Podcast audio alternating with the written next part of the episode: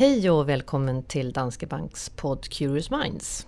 Idag presenterades BNP-siffror för fjärde kvartalet 2018 som visar att det går bra för svensk ekonomi.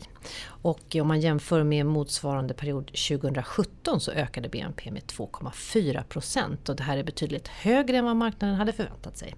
Mikael Gran, chefekonom på Danske Bank, vad är det som ligger bakom den här ökningen och är du överraskad? Ja, vi var lite överraskade över styrkan i eh, siffran. Eh, och, eh, ja, och, därför att, och det var vi framförallt för att vi själva tyckte att vi hade tagit i lite grann här och tryckt upp vår egen prognos som låg på 1,9. Mm. Så det här blir lite mer. Men eh, vår bedömning var ju egentligen då att eh, den här siffran skulle tryckas upp väldigt mycket av lageruppbyggnad. Det vill säga att företagen egentligen möter en ganska svag efterfrågan och att eh, man producerar på lager då, en så kallad ofrivillig lageruppbyggnad. Mm. Eh, och man kan säga att det finns ett sådant inslag i den här bilden. För skrapar man lite på de här siffrorna. Det har du gjort?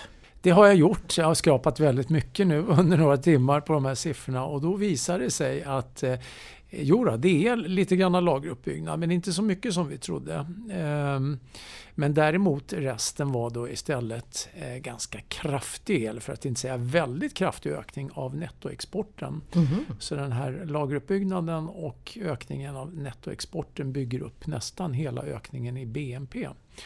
Och kvar blir då ingen eh, efterfrågeökning alls i princip på hemmaplan. Mm. Så att eh, det här rimmar egentligen ganska bra med det eh, som vi uppfattar händer i svensk ekonomi. Det vill säga att vi har en bostadsmarknad i utförsbacke. Mm. Där kunde vi också se de här siffrorna att bostadsinvesteringarna fortsätter att falla.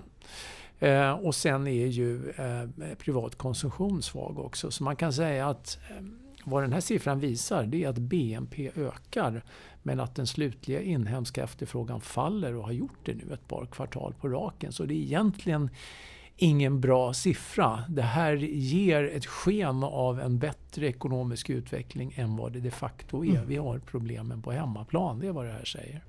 Men du, om man då tittar framåt, är det här någonting som kommer att hålla i sig tror du? Eller är det här som sagt en tillfällighet? Ja, jag tror ju att det här är lite grann av tillfällig eh, karaktär. Nu slår väl inte lager tillbaka så mycket nästa kvartal eftersom det inte var så stor lageruppbyggnad om man ska tro de här siffrorna då.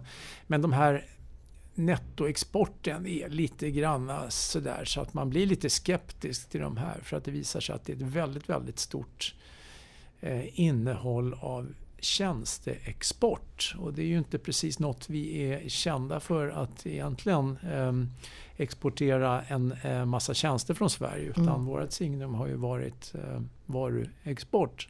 Eh, och det här var en liten ovanlig kombination av att man, man ökade tjänsteexporten och minskade tjänsteimporten. Vi får väl se vad det här är värt framöver. Det finns så väldigt dåliga data på det här så det är egentligen det är svårt sånt som vi har dålig kläm på. Men det vi vet eh, istället det är ju de här underliggande komponenterna då, som jag sa, det som bygger upp den inhemska efterfrågan. Där är det ganska tydligt att vi har sedan tre kvartal tillbaka en nedåtgående trend. Mm. Så att, eh, och det tror jag kommer, kommer faktiskt fortsätta för jag kan inte se att eh, vare sig hushållen ska bli eh, piggare eh, eftersom reallöne, eh, reallöneökningarna ligger på noll och sen är det ju dessutom så då att, att bostadsmarknaden, där finns väl inte några tydliga förhoppningar om att det vänder i brådrasket heller. Eh, sen hur djupt det här blir och så vidare kan man diskutera. Men, men eh, jag tror just att det, det, det, är den lite svagare delen, eh, den inhemska delen som kommer att färga det här ändå om vi blickar framåt under 2019. Men du, det positiva med det här beskedet var ju faktiskt att kronan stärktes inledningsvis här. Och, eh, men, men hur mår den svenska kronan idag? Är det här någonting som vi kommer se en, är det här en effekt av att kronan kommer bli starkare helt enkelt?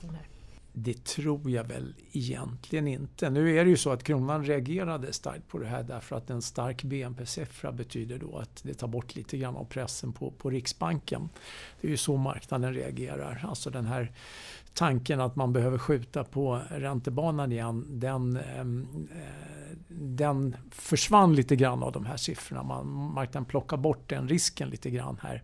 Men som sagt, jag tror att eh, det här var dagens reaktion eh, på kronan och eh, det finns många, många tillfällen framöver där, där, där, vi kommer tillbaka till den här osäkerheten om, om tillväxtutsikterna och även inflationsutsikterna så småningom. Vi har ju, det kommer ju nya inflationssiffror snart igen här och det blir en mm. viktig en väldigt viktig, skulle jag säga, eh, eh, siffror. För då får man se om den här låga nivån som vi hade senast består här mm. framöver. Men, men som sagt, ja, kronan är ju svag. Eh, och eh, jag har ju tutat ut tidigare här, både internt och i media, att eh, riskerna är ju att, att kronan går svagare därför att, eh, därför att den fungerar lite grann som pysventil i Riksbankens eviga höll jag på att säga, uppskjutna eh, reporänteprognoser. Så att den här förstärkningen som skedde idag ska man inte ta för intäkt att den är Riksbanken temporär. kommer göra något? Den är mm. temporär. Mm. Okay. Tack Mikael för att du kom hit idag. Tack.